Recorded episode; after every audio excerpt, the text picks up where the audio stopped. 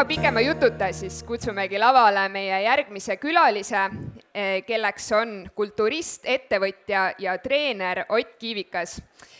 ja kaheksateist aastat järjest Eesti parimaks kulturistiks nimetatud Ott on noppinud lugematul arvul erinevaid auhindu ja ka tunnustusi ja nende seas näiteks EM-i esikoht ja MM-i neljas koht kulturismi alal ning lisaks sellele on ka ta edukas koolitaja, toitumisspetsialist ning pea kahekümne aasta pikkuse kogemusega ettevõtja.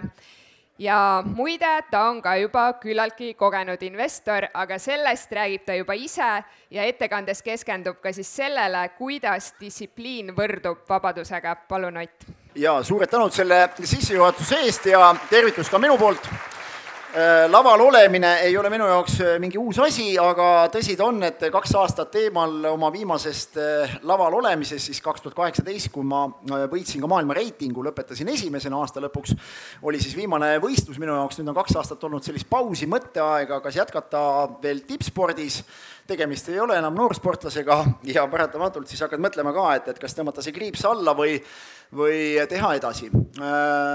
Ja miks ma täna siin olen, mul on selles mõttes oli täiesti üllatus, kui mulle see pakkumine nagu tehti, sest äh, investeerimisega alustasin ma küll täpselt kuus kuud tagasi. oma esimesed aktsiad ostsin ma äh, märtsi alguses, kui täpne olla, nii et äh, meeletut kogemust tulin teile täna jagama.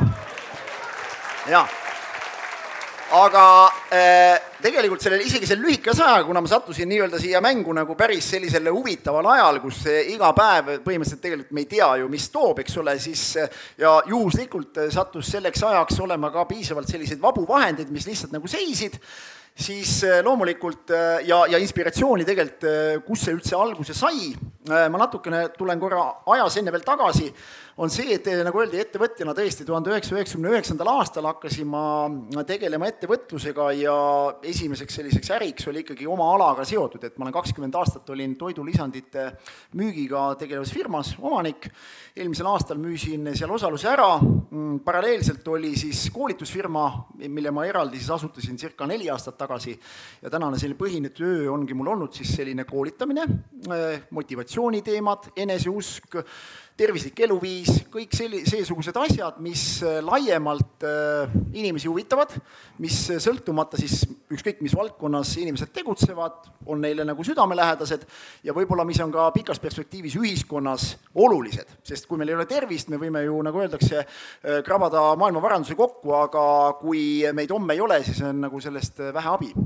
Ja siis ma käingi koolitamas, tegemas, praegu on ka olnud selline võib-olla raskem aeg kõikidele koolitajatele, esinejatele ja see on andnud tegelikult ka vaba aega ja mis ma selle vaba ajaga vahepeal peale hakkasin, oli see, et ma kirjutasin äh, valmis raamatu, nii et ma ei tea, kas ma just ennast ühe raamatu puhul kirjanikuks saan nimetada, aga äh, targalt toitumise ja treenimise käsiraamat tuleb septembrikuus, nii et äh, kõik alates liikumisharrastusest, lõpetades eakate treeningute ja noortespordini ja lõpetades siis erineva nii-öelda huvirühmade äh, jaoks huvitavate teemadega, see on mind, sport on mind seda õpetanud tegema ja nii-öelda siis alati ma olen proovinud leida endale mingisuguse tegevuse ja see tegevus eelkõige on alati pidanud olema selline, et mida mul on huvitav teha. loomulikult äh, materiaalses maailmas me ei saa ka sellest üle, et tore oleks, kui see päeva lõpus ka sisse toob, aga kui ma kerin näiteks tagasi, miks ma spordis nagu edukas olin, siis ega ma ei olegi saanud kunagi tegelikult profisporti kui sellist teha, inimesed tihti arvavad, oo, sa oled sportlane ja kindlasti see toob hästi palju sisse. ütlen ausalt, et ma olen teinud eh, üheksa tundi päevas, tihti ka võib-olla ettevõtluse algusaastatel ka kolmeteist-neljateisttunniseid päevi ja teinud kõrvalt ka kaks korda päevas trenni veel selle juures. nii et äh, ikkagi ma olen olnud sõna otseses mõttes, eh, on jooksnud sportlaskarjäär ühte rada pidi ja kõrvalt olen üles ehitanud sellist ettevõtluskarjääri ja selge, et enamus energiaressursist läks ikka spordi poole, sellepärast kindlasti ka spordis saavutatud tulemused on selgelt täna paremad kui ettevõtluses, aga kindlasti, nagu ma ütlesin, sportlaskarjäär üks päev saab läbi ja täna ma pigem käin ka sportlasi, noorsportlasi õpetamas, et mõelge juba suhteliselt varakult selle peale, et sport üks päev saab otsa. aga tihti on naljakas on see, et ma kohtun kolmkümmend pluss sportlastega, kes tegelikult ei olegi mõelnud selle peale, et mis homme saab nagu. noh, inimene käib nagu laagrist laagrisse, laagrites kusjuures tegelikult on hästi palju aega seal on võimalus ennast ise harida, tänapäeval maailm on lahti ja suhteliselt lihtne on tegelikult ennast kurssi viia mingite asjadega ja isegi paralleelse spordiga tegelikult tegeleda ka ettevõtlusega. aga kus ma sain tõuke siis hakata investeerima, aasta või poolteist aastat tagasi selline legendaarne, võiks öelda Eesti mõttes ikkagi investor täna, Raivo Hein, sattusime ühte telesaatesse kokku ja ta ütles, et Ott, ma võtan sinuga ühendust, ma tahan vormi saada, ma olen igal kümnendil, kui ta on teinud, on mingi uue asja selgeks õppinud, ütles, et kui ma saan kuuskümmend, ma tahan endale teha sellise kulturistisõu oma juubelil. eelmisel juubelil õppisin mingi stepp-tantsu ära ja siis oli veel midagi muud seal. ma ütlesin fine, no mõtlesin, tead, mul on igasuguseid jutumehi käinud, tead, kõige parem on ööklubis kuskil lähed, siis on mingi, öösel lendab mingi kari vendi ligi, oi, ma tulen jõuksi, ma olen homme sul seal kohal muidugi, keda ei ole, on need cefid, eks ole. ja, ja siis oli Raivo, kas ma lasin selle ühest kõrvast sisse, teisest välja, mõtlesin, tead, las ta olla, noh. kuniks üks päev Raivo kirjutab mulle uuesti, et kuule, et Ott, et nüüd ma siin olen, et hakka minuga tegelema nagu. ja see oli täpselt kuskil enam-vähem niimoodi augustikuus aasta tagasi ja tuli terve perega. tuli tütar, tuli väimees, hakkasid käima ja samal ajal kinkisid mulle tegelikult härra Roossaare õpiku, rikkaks saamise õpiku Äh, lugesin ka selle läbi ja ausalt öeldes ei kujutanudki ette, et Jaak on täna minu soojendusesineja, ei kujutanud isegi ette pool aastat tagasi. aitäh sulle, Jaak! et äh, täiesti nagu, ongi tegelikult ausalt öeldes nagu täiesti müstika, no ja lugesin seda raamatut ja tegelikult nüüd on lugenud terve pere seda, käib see laste vahel seal, lastel on juba tehtud samamoodi mingid väiksed kontod, kõik seal juba investeerivad hirmsasti, sellel on väga suur mõju, nii et ausalt öeldes sulle aplaus, Jaak, selle raamatu eest, tõesti, see on liikuv, panev jõud. Ja Raivo puhul ma nägin ära, et kui see mees nagu midagi pähe võtab, see nagu ellu selle asja viib. küll see sild või mis iganes sinna Saaremaa vahele ka tuleb ja küll ta sinna kosmosesse ka lendab koos selle, kes iganes see, jah, see Branson või kes kes, kellega koos ta pidi lendama, küll tal lendavad. aga äh, Raivo näitas tegelikult väga hästi, et ka mitte kõige nooremas eas treeningut alustades võib inimene imelise muutuse läbi viia. ja sisuliselt kolme kuuga tegi imelise arengu läbi ja tänaseks loomulikult on tema ka minu selline mentor, kes annab mingeid soovitusi, asju ma olen valdavalt täna proovinud ka siis äh, tänu Jaagu õpikule küll pannud lihtsalt sinna passiivselt ühisrahastusplatvormidele, ütleme siis sinna kinnisvara alla midagi, natukene eraisiku väikestesse nendesse laenudesse kuid oluliselt minu jaoks nagu ka sportlase jaoks selline sartsem loomulikult on see aktsiate pool. alguses tundus juba, et see Tallinna börs tundub päris atraktiivne värk ja, ja päris, päris oluliselt hullem möll käib peal kui nendes ühisrahastusplatvormidel. tänaseks ma juba selle lühikese ajaga olen aru saanud, et siin on ikkagi vesi nagu seisab ja ma olen saanud natukene nii-öelda siis juba ka USA börsil torkida ja kui keegi ütles siin ennem, et Hertz käis läbi kuskil, noh, ma ütlen, mina tegin Hertzi ostu jaanilaupäeval ja jõu-, õhutusel siis sellega, et mul on üks äh, hea sõber, töötab äh, USA-s nendel miljardäride, nendel noh, mis paat, ta ise nimetab paadiks, aga no need on need luksusjahid. paadi peal töötab, ma läksin Miami'sse külla, siis läksin selle paadi peale nagu vaatasin, et ohoh, raisk, et vägev paat sul nagu no härra Murphy, kes on suurim sealihatööstuse tootja maailmas, oli müüs hiinlastele kaheksakümne kahe miljardiga ära, noh, niisuguse venna juures töötab seal. ja siis selgelt sealt tiksub mingit infot ka. ja siis sellele anti soovitus, et davai, ole hea, et osta seda Hertzi nagu, et, et, et noh, Hertz kukkus ju kuni neljakümne sendi peale vist vahepeal. vend tegi kaheksakümne sendiga, tegi ostu ja noh, lendas see kuue peale, viie koma kahega müüs. ütles, et mingi tonni, noh, mis ta siis alla pani, kaheksa sotti pani alla, viis tuhat kakssada võttis natukene mõned päevad hiljem noh, ja siis uuesti, jaanilaupäeval tuleb uuesti selle jutuga, et nüüd on ERTS-i ostmise aeg, nüüd on ERTS-i. näpud sügelevad, õhtul börs hakkab juba kinni minema, niisugune lõke juba üleval. tegime mõlemad kaasaga ostud ära, järgmine päev juhuslikult sõitsin Raivo juurest läbi siis sealt äh, Saaremaa kodust ja nii kui läksime ära, siis mõtlesin, et kuule, vaataks, mis see ERTS teinud on, tead. Järgmine päev nagu vaatan nagu pluss seitsekümmend prosa ööga nagu, mõtlesin, et ohoh, raisk, Raivo ütles kohe, et kuule, võta võit välja. võtsingi võidu välja ööga, mingisugune tonni panin alla, järgmine päev viis-kuus sotti, mis ma sealt võtsin kohe ära. Ja osa jätsin alles, sest äkki tuleb veel, eks ole, suurem täna on ta jäänud püsima, ma olen ikkagi võidus. ja teine asi, kus ma niisuguse väikse, ma olen saanud väiksed niisugused kõrvetused juba ka, et, et see algul tundub nagu jube tore ja et tundub, et ongi nii, et sa võidad kogu aeg. aga ma tegin sellise ostu, Wirecard tõenäoliselt on ka siin härrased, kes on seda ka torkinud. noh, mina väga seda värki ei jaganud, aga vaatasin, kui üks asi on kukkunud sealt kuskilt saja kuuekümne pealt kuueteistkümne peale, et noh, ega kuhu ta siis enam kukub nagu tegin nagu, tegin nagu mõnusa investeeringu ostu, aga ma mõtlesin, ma panen ka nii palju sutsu alla, noh, millest ei ole kahju. nagu öeldaksegi, niisuguse riski peal peab olema ja härra seda on õpetanud ka, et ära riski sellega, millest sa elatud, aga pane niisugune, mida, mida ei juhtu midagi, kui sul taskus ei ole. mõtlesin ka, et torgin mingi väikse sutsuga, panin alla, ostsin väikse portsu ja noh, minu imestus oli suur, kui kahe päevaga see kukkus ühe koma viiele vist oli, jah noh, mõtlesingi, et okei okay,, kaotus vastu võetud, ma, kuna ma teadsin, ma tulen siia investeerimisfestivalile ka, hea lugu rääkida, kuidas nagu rahast ilma jääda ja ära osta seda, millest sa absoluutselt mitte midagi ei tea nagu. aga äh, lugu läks huvitavaks siis, kui ma mõtlesingi, et las see seal seisab, vaatame, kuidas see pankrotimenetlus käib, kuidas see härra seal kuskil, kes juba CO, kes äh, kinni võeti, kuidas selle vabanemisprotsess toimub, mis iganes. ja siis vaatan üks päev tõuseb kakssada prosa, tõuseb kolm, kõigepealt kolme poole peale kuskile seal, vaatasin, et ohoh, on, nüüd on mingi elavnemine. mõtlesin, et, et aga minu jama on see, et ma ostsin väikse koguse ja suure hinnaga, mõtlesin, ainus asi, et kudapidi saada juurde, siis ma tegin, mõtlesin, okei okay,, paneme veel ühe niisuguse tonniga riskime. lükkasin ühe veel ahju sisse, järgmine päev tulid Soome äripartnerid, kuna ma tegelen ka toidutootmisettevõte, Soome partnerid olid siin ja mõtlesin, hommikune aeg seal tegevjuht rääkis rohkem, ma seal kuulasin, mõtlesin, ma lähen korra sisse, vaatan, mis teeb. vaatan, et kakssada prossa ööga visanud juurde, tõusnud nagu viie peale, et noh, põhimõtteliselt ma olin nullis juba. natukese aja pärast seitse, siis üheksa. mõtlesin, täitsa lõpp, noh. see põhimõtteliselt kaotus väga selges plussis nagu ja siis hakkas uuesti langema, lükkasin müüki seitsme koma kolmega põhimõtteliselt täiesti maha kantud rahast sain jällegi nii-öelda siis väikse niisuguse eduelamuse.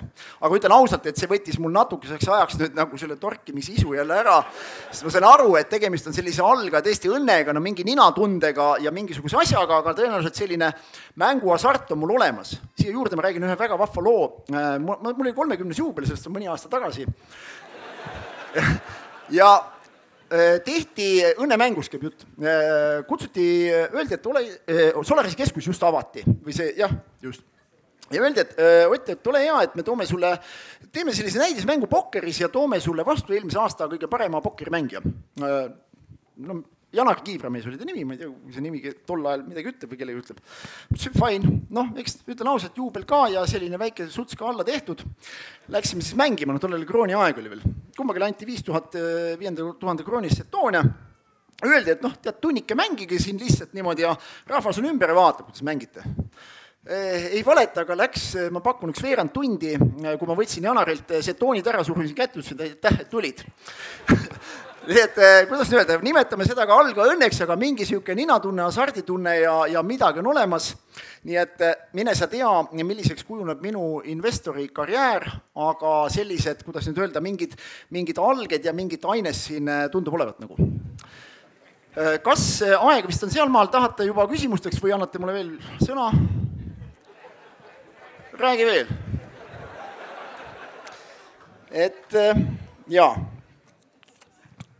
ja tänasel juhul jah, ma olen pigem nagu liikumas siis jah, nagu öeldakse sinna, et minu nagu mõte, mul ei olnud isegi selle aasta alguseni mitte ühtegi pensionisammast tehtud.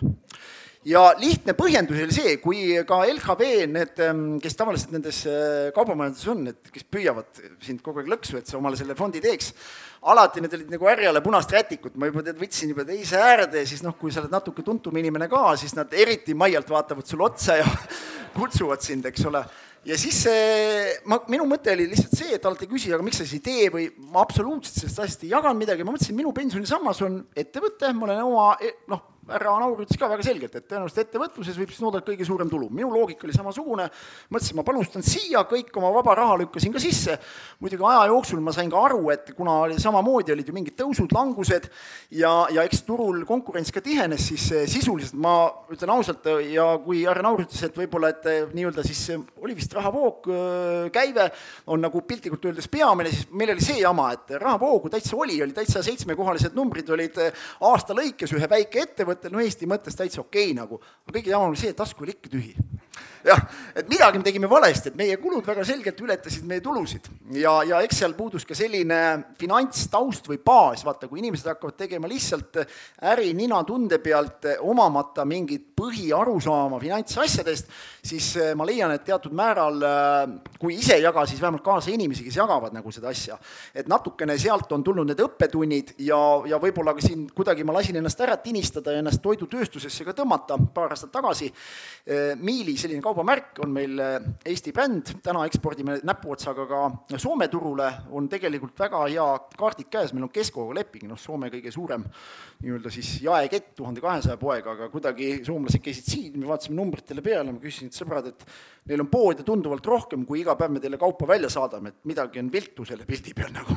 ja proovime seda sihikut nüüd paika saada, aga mõte oli see, et et lasin ennast sinna toidutööstusse sisse tõmmata nii-öelda noh, ka sellise reklaamnäona, osanikuna ja, ja mõtlesin ka, et eks ma teen oma kindlate kohustustega loomulikult, aga noh, kui päeva lõpus selgus, et et mingid asjad või juhtimisstiil on viltu, noh siis hakkas kogu see majake meil lagunema ja tänu võib-olla selle koroonale oleme saanud väga asjalikke inimesi endale, nagu öeldakse, mingi tööjõud vabanes automaatselt, kui sa oskad need inimesed üles korjata ja nüüd ma ju jällegi näen ja tekib endal kust tagasi, et sellest toidutootmise asjast võib ka ettevõtet saada, sest kuna ma koolitan valdavalt ka sellise toitumise, tervisliku eluviisi nagu teemadel, siis äh, miks mitte siis pakkuda ka inimestele seda tervislikku toitu valmis kujul, ükskõik millisel kujul, sest enamus inimesi on mugavad ja kui, kuigi ma ise valmistan oma toidu enamalt jaolt kodus ise, siis paratamatult inimesed ütlevad, aga noh, kuule, mul ei ole aega, ma ei viitsi, ma võib-olla ei oska ka, siis eh, palun väga, ma olen valmis ka panustama siia, et luua siis sellised tooted, mida siis inimestel oleks nagu mugav noh, nii-öelda siis kuskilt kas tanklakettidest, poodidest või jaekettidest nagu muretseda, nii et eh, selline, selline väike väljakutse on tänaseks nagu ka ja loomulikult lisaks siis see koolituse pool, mis mulle väga siiralt meeldib, et jagada oma spordis saadud kogemust, lisaks sinna juurde siis teatud noh, kui sa oled ise pereisa, ettevõtja, treener, noh, teid, sul tuleb seda nagu, see spekter on palju laiem, mida jagada ja see mulle väga sümpatiseerib ja see energia, mida ma saan. sest ma olen alati inimestele öelnud, et tegelege sellega, millega teil läheb nägu särama ja päeva lõpus, nagu öeldakse, kui see teile ka tulu toob, noh, see on ainult boonus sinna juurde. aga just see protsess, nagu ka spordis, sest seda rõõmu või õnne või võidurõõmu saab väga harva. enamus aega on mingi tühi töö aga see tühi töö peab olema nauding. kui see on mingisugune rist ja viletsus kaelas ja, ja ebameeldiv ainult, siis eh, ma ei usu, et sealt pikas perspektiivis ka mingit tulemust tuleb nagu. nii et see on minu selline sõnum, et sõltumata sellest, mis on, et ärge mõelge kohe, et kas see on kasulik, aga mõelge, kas see teile emotsionaalselt nagu pakub midagi. ma arvan, et see on see võtmesõna. aga võib-olla ka küsimused mõned, kui kellelgi on, palun, härra, tagant on käsi püsti. tere!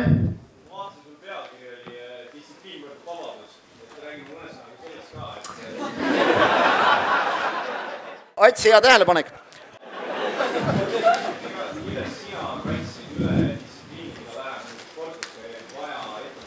Äh, väga lihtsalt, seal on paar sellist ühist joont, mida ma hakkasin märkama. esiteks, lühiajaliselt äh, see pikas perspektiivis tulu ei too. ehk sisuliselt nagu treening, sa pead tegema seda järjepidevalt ja sellega ei ole vaja üliintensiivselt alustada. nagu öeldakse, kui sa hakkad üliintensiivselt, kui sa asja ei jaga, paned liiga palju mängu, võid sa kaotada palju rohkem võrdlusena spordis, äh, mine trenni ilma treeneri nõuandeta, sa võid esimese trenniga sõna otseses mõttes ennast haiglasse treenida või nädal aega valutada, nii et sul ei tekigi seda trenniharjumust, kuna valus on see protsess. Äh, teine asi, äh, erineval tasemel mäng. sa võid passiivselt mängida, sa võid kesktasemel mängida, sa võid tipus mängida. igale uuele tasemele jõudmiseks on sul vaja tegelikkuses lisateadmisi täpselt sama põhimõte nagu spordis, harrastussport, natuke panustan, natuke teen, saan vastu. et eh, need distsipliini küsimused täpselt samasugused ja tegele järjepidevalt, vähe on abi, et ma kolm kuud võtsin kätte, tegin intensiivselt kuni suveni, väga imelise muutuse võid ka kehaliselt läbi teha, aga kui suve jääb vahele, sügisel alustad nullist. sama põhimõte täpselt. väga lihtsad asjad. nii, kas küsimusi veel, palun? härra?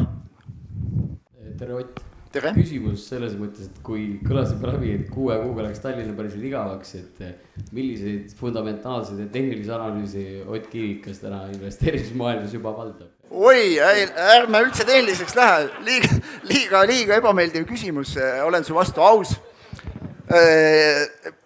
kirjandus lihtsalt, mis ilmub nii eesti keeles, ütlen ausalt, olen proovinud ka ingliskeelset tehnilist kirjandust lugeda, natuke liiga keeruline minu jaoks. ehk siis ikkagi pigem soovitused natukene, natuke niisugust eestikeelset, sest meil ilmub ka tegelikult pidevalt mingisugust asja, mida lugeda või saada mingeid vihjeid. Nii et äh, aga mingit süvaanalüüsi, et ma lähen, ütleme, võtan nüüd lahti, minengi analüütiksi, loomulikult ma vaatan, kus on ennem aktsiad olnud, kui kõrgel, kui madalale on kukkunud, mis valdkond on tegemist, noh, me saame täna aru, mingid asjad on selgelt madalseisus, nüüd ongi riski küsimus, et kas ma eeldan, et seal toimub mingi tõus, kas ma julgen täna panustada, et noh, mingi selline, kuidas nüüd öelda, mingi eluline kogemus on pigem selle analüüsi alus mul, et, et aga, aga mitte mingi süvaanalüüs, et ma võtan nende mingid aastaraportid välja, nii oot-oot-oot-oot, poisid, siit hakkab midagi tulema, et päris nii spets ma veel ei ole. jah, aus vastus. nii, küsimusi? jaa, palun. kus, kust tuli? uh, uh, uh. aa, palun. siin, aa, sa oled siin. jaa, tere, tere ma küsin sellist asja, et mis äh, platvormi sa kasutad oma tehingute tegemiseks ja kas sul on kuus ka mingi selline mm, konkreetne summa, mille sa siis äh, iga kord nii-öelda äh,? jaa, küsimusest aru saadud, ma tegelikult toimetan LHV täiesti sellel platvormil toimetan Äh, täna tehti vist ka vabaks, küll on kallim, on, äh, muidu oli ma selle treider konto tahtsin endal teha mingi hetk, aga, aga sellega oli kuidagi mingi järjekord siin mingi aeg. ja nüüd oli täiesti vabalt saab osta, aga tõenäoliselt seal need nii-öelda need ülekandmise, ostu- ja müügitehingute tasud lihtsalt, ma saan aru, nende profikauplejatega võrreldes on nagu selgelt kõrgemad.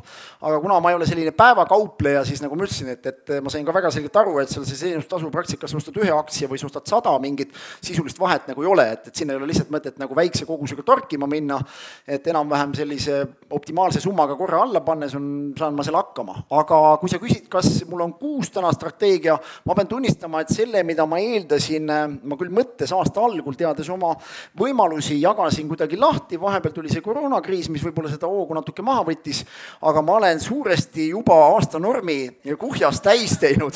et isegi kui ma juurde ei pane, siis ma olen nagu juba järgmise aasta mõttes juba kuskil oma, oma liigutustega nii et eh, see oli vastus sulle, jah. vot ja ma olen ühes asjas nõus äh,, Jaagu raamatus olid väga head, et pange kõik kõrvale, tehke, kindlasti noor inimene, noorel inimesel ei saagi muidu raha tekkida. aga mina olen jõudnud ka sinna vanusesse, kus äh, nõustun Indreku jutuga, et tahaks nagu nats nautida ka, et äh, ütleme nii, et päris selline keskmine tavaline elu ja see, mida ma olen harjunud käima, et on mingisugused puhkused aastas, on mingisugused lõbustused, mis selle juurde kuuluvad, et need ei peaks jääma nagu tegemata, et ma võtan seda ka niimoodi pigem, et, et äh, oleks mingi tase tasakaal. elus ongi tegelikult üks asi, vaata, kui äärmused ei vii minu arvates äh, väga kaugele, et, et kui on tasakaal, et sul on kõiki asju, siis on elu nagu päris vahva, vahva, vahva asi, kus, milles kaasa lüüa, eks ole. nii, palun, siin tuleb veel küsimus. Äh, mis soovitusi sulle veel Raivo Hein andnud on? No Raivo soovitab mul võlakirjasidega ka tegeleda, aga ütlen ausalt, minu jaoks suht äh, tume maa ja, ja ma olen proovinud nagu aru saada ja mingisugused negatiivsed võlakirjad ja mingid suht, ütlen ausalt, alles viin ennast kurssi, et ma ei jõua ka igale poole, vaata, ma Raivole ütlen, ma ei jõua igale poole, et ma kuskilt hakkan, teen mingid asjad enda jaoks selgeks ja siis äh, kui tunnen, et tahan kuidagi seda asja laiendada, siis ma liigun edasi nagu. nii äh, aitäh selle mõnusa kõhulihaste treeningu eest no,. aga, aga kui need targameeste raamatud on läbi loetud nüüd, siis seal on kindlasti ka väike soovitus, et watchlist omale teha. mis on Ott Kiivikase watchlist'is praegu? oi, seal on tegelikult needsamad enamus, mis siit on juba täna ka läbi käinud, ei puudu sealt ka Tesla sellest watch list'ist ja on seal loomulikult meie enda mingid Balti börsi asjad, mis on sinna tõenäoliselt algselt tekkinud Yahoo Finantsis ma seal neid asju lisan ja, ja vaatan ja tegelikult ongi noh, ma olen natukene siin neid reisiasju ka võtnud ja, ja ka lennufirmasid mingisuguseid, et nii et, et, et seal watchlist'is on, seal on täna ka ootel on Lufthansat, mida ma loodan, et Saksa riik lõpuks ikkagi päästab selle, selle, selle ettevõtte, aga noh, see sõltub ikkagi suuresti, kuidas meie lennud lahti lähevad ja milliseks see maailma olukord, ma arvan, kujuneb. nii et seal on asju, mis täna on negatiivsed, aga kogu minu portfell, kõige pullim oli see, et kui ma panin, ma võtsin nagu kaks asja, jätsin osa dividendist välja võtma ja panin firma osa raha siis eh, sinna alla, see, mida ma torkinud ei ole, see on täna märtsi algusest tänaseni kolmteist protsenti ilusasti plussis. ja see, kus ma siis seal niimoodi võimlen ja, ja, ja, ja nagu hirmsalt nagu, nagu pingutad, et midagi tuleks, ütlen ausalt, seal on kaks protsenti plussis, aga kaotanud ma tänaseks õnneks ei ole, nii et eh, selles mõttes on nagu kõik hästi veel, jah kuulge, aga mina võtame võtad... selle ühe ära, ühe viimase küsimuse. Ja... palun.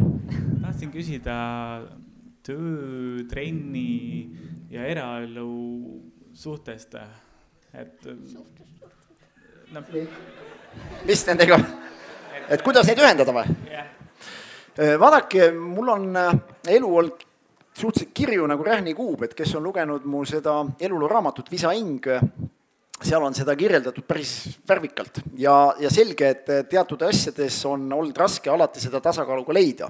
küll aga tippspordis olles selge, et teatud aja jooksul läks energiat sinna rohkem, aga ma alati tegin ka nii, et nagu võistlushooaeg lõppes, võtsin rohkem lapsed perekäsile, samamoodi mingi hetk tuli võib-olla siis oma mingitesse firma asjadesse või kuskil panustada rohkem, aga ma ei ole kunagi toonud ettekäändeks ühelgi juhul, et neid ei võiks kuidagi hoida tasakaalus. et tihti on ikkagi see, et inimesed võtavad ühe asja, ütlevad, mul nagu mingiteks muudeks asjadeks aega ei ole mina ütlen ausalt, ei ole jäänud mul ükski praktiliselt pidu pidamata ega perekondlik koosviibimine tegemata või trennis käimata või midagi muud tegemata, et kui tahta, inimene leiab nende jaoks aega, et neid on võimalik tasakaalus hoida. ja seda enam, kui me räägime täna harrastusspordist, üks hea näide on härra Roosaar, keda kahjuks ma kogu aeg pean siin nimetama.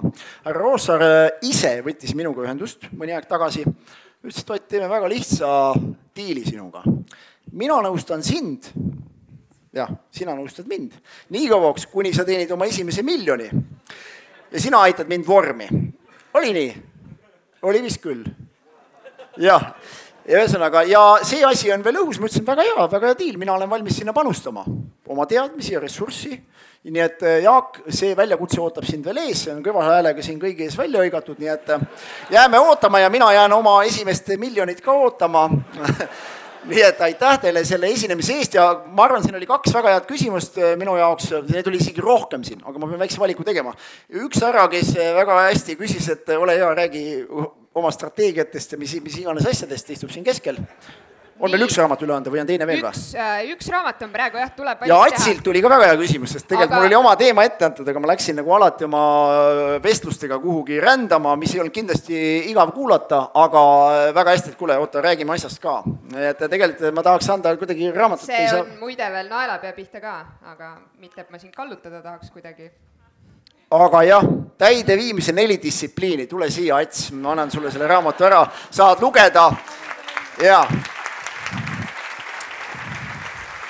nii, aga suur tänu ja kuue kuuga siis investor Esikaanele, väga super. oh, oh, oh, oh, no väga äge, mina tänan, aitäh teile ja ilusat õhtu jätku ja kindlasti, kui isegi kui ma kunagi siia esinejana rohkem ei satu, siis ma luban, et või vähemalt minu soov on, et ma satuks siia lihtsalt teiega koos aega veetma ja ma ütlen, et võib-olla siin kolm päeva saunatada annab mõnele inimesele rohkem kui võib-olla kolm aastat koolis käia, nii et ähm, võtke seda kui vihjet täna õhtusse, nii et kõike head ja aitäh teile!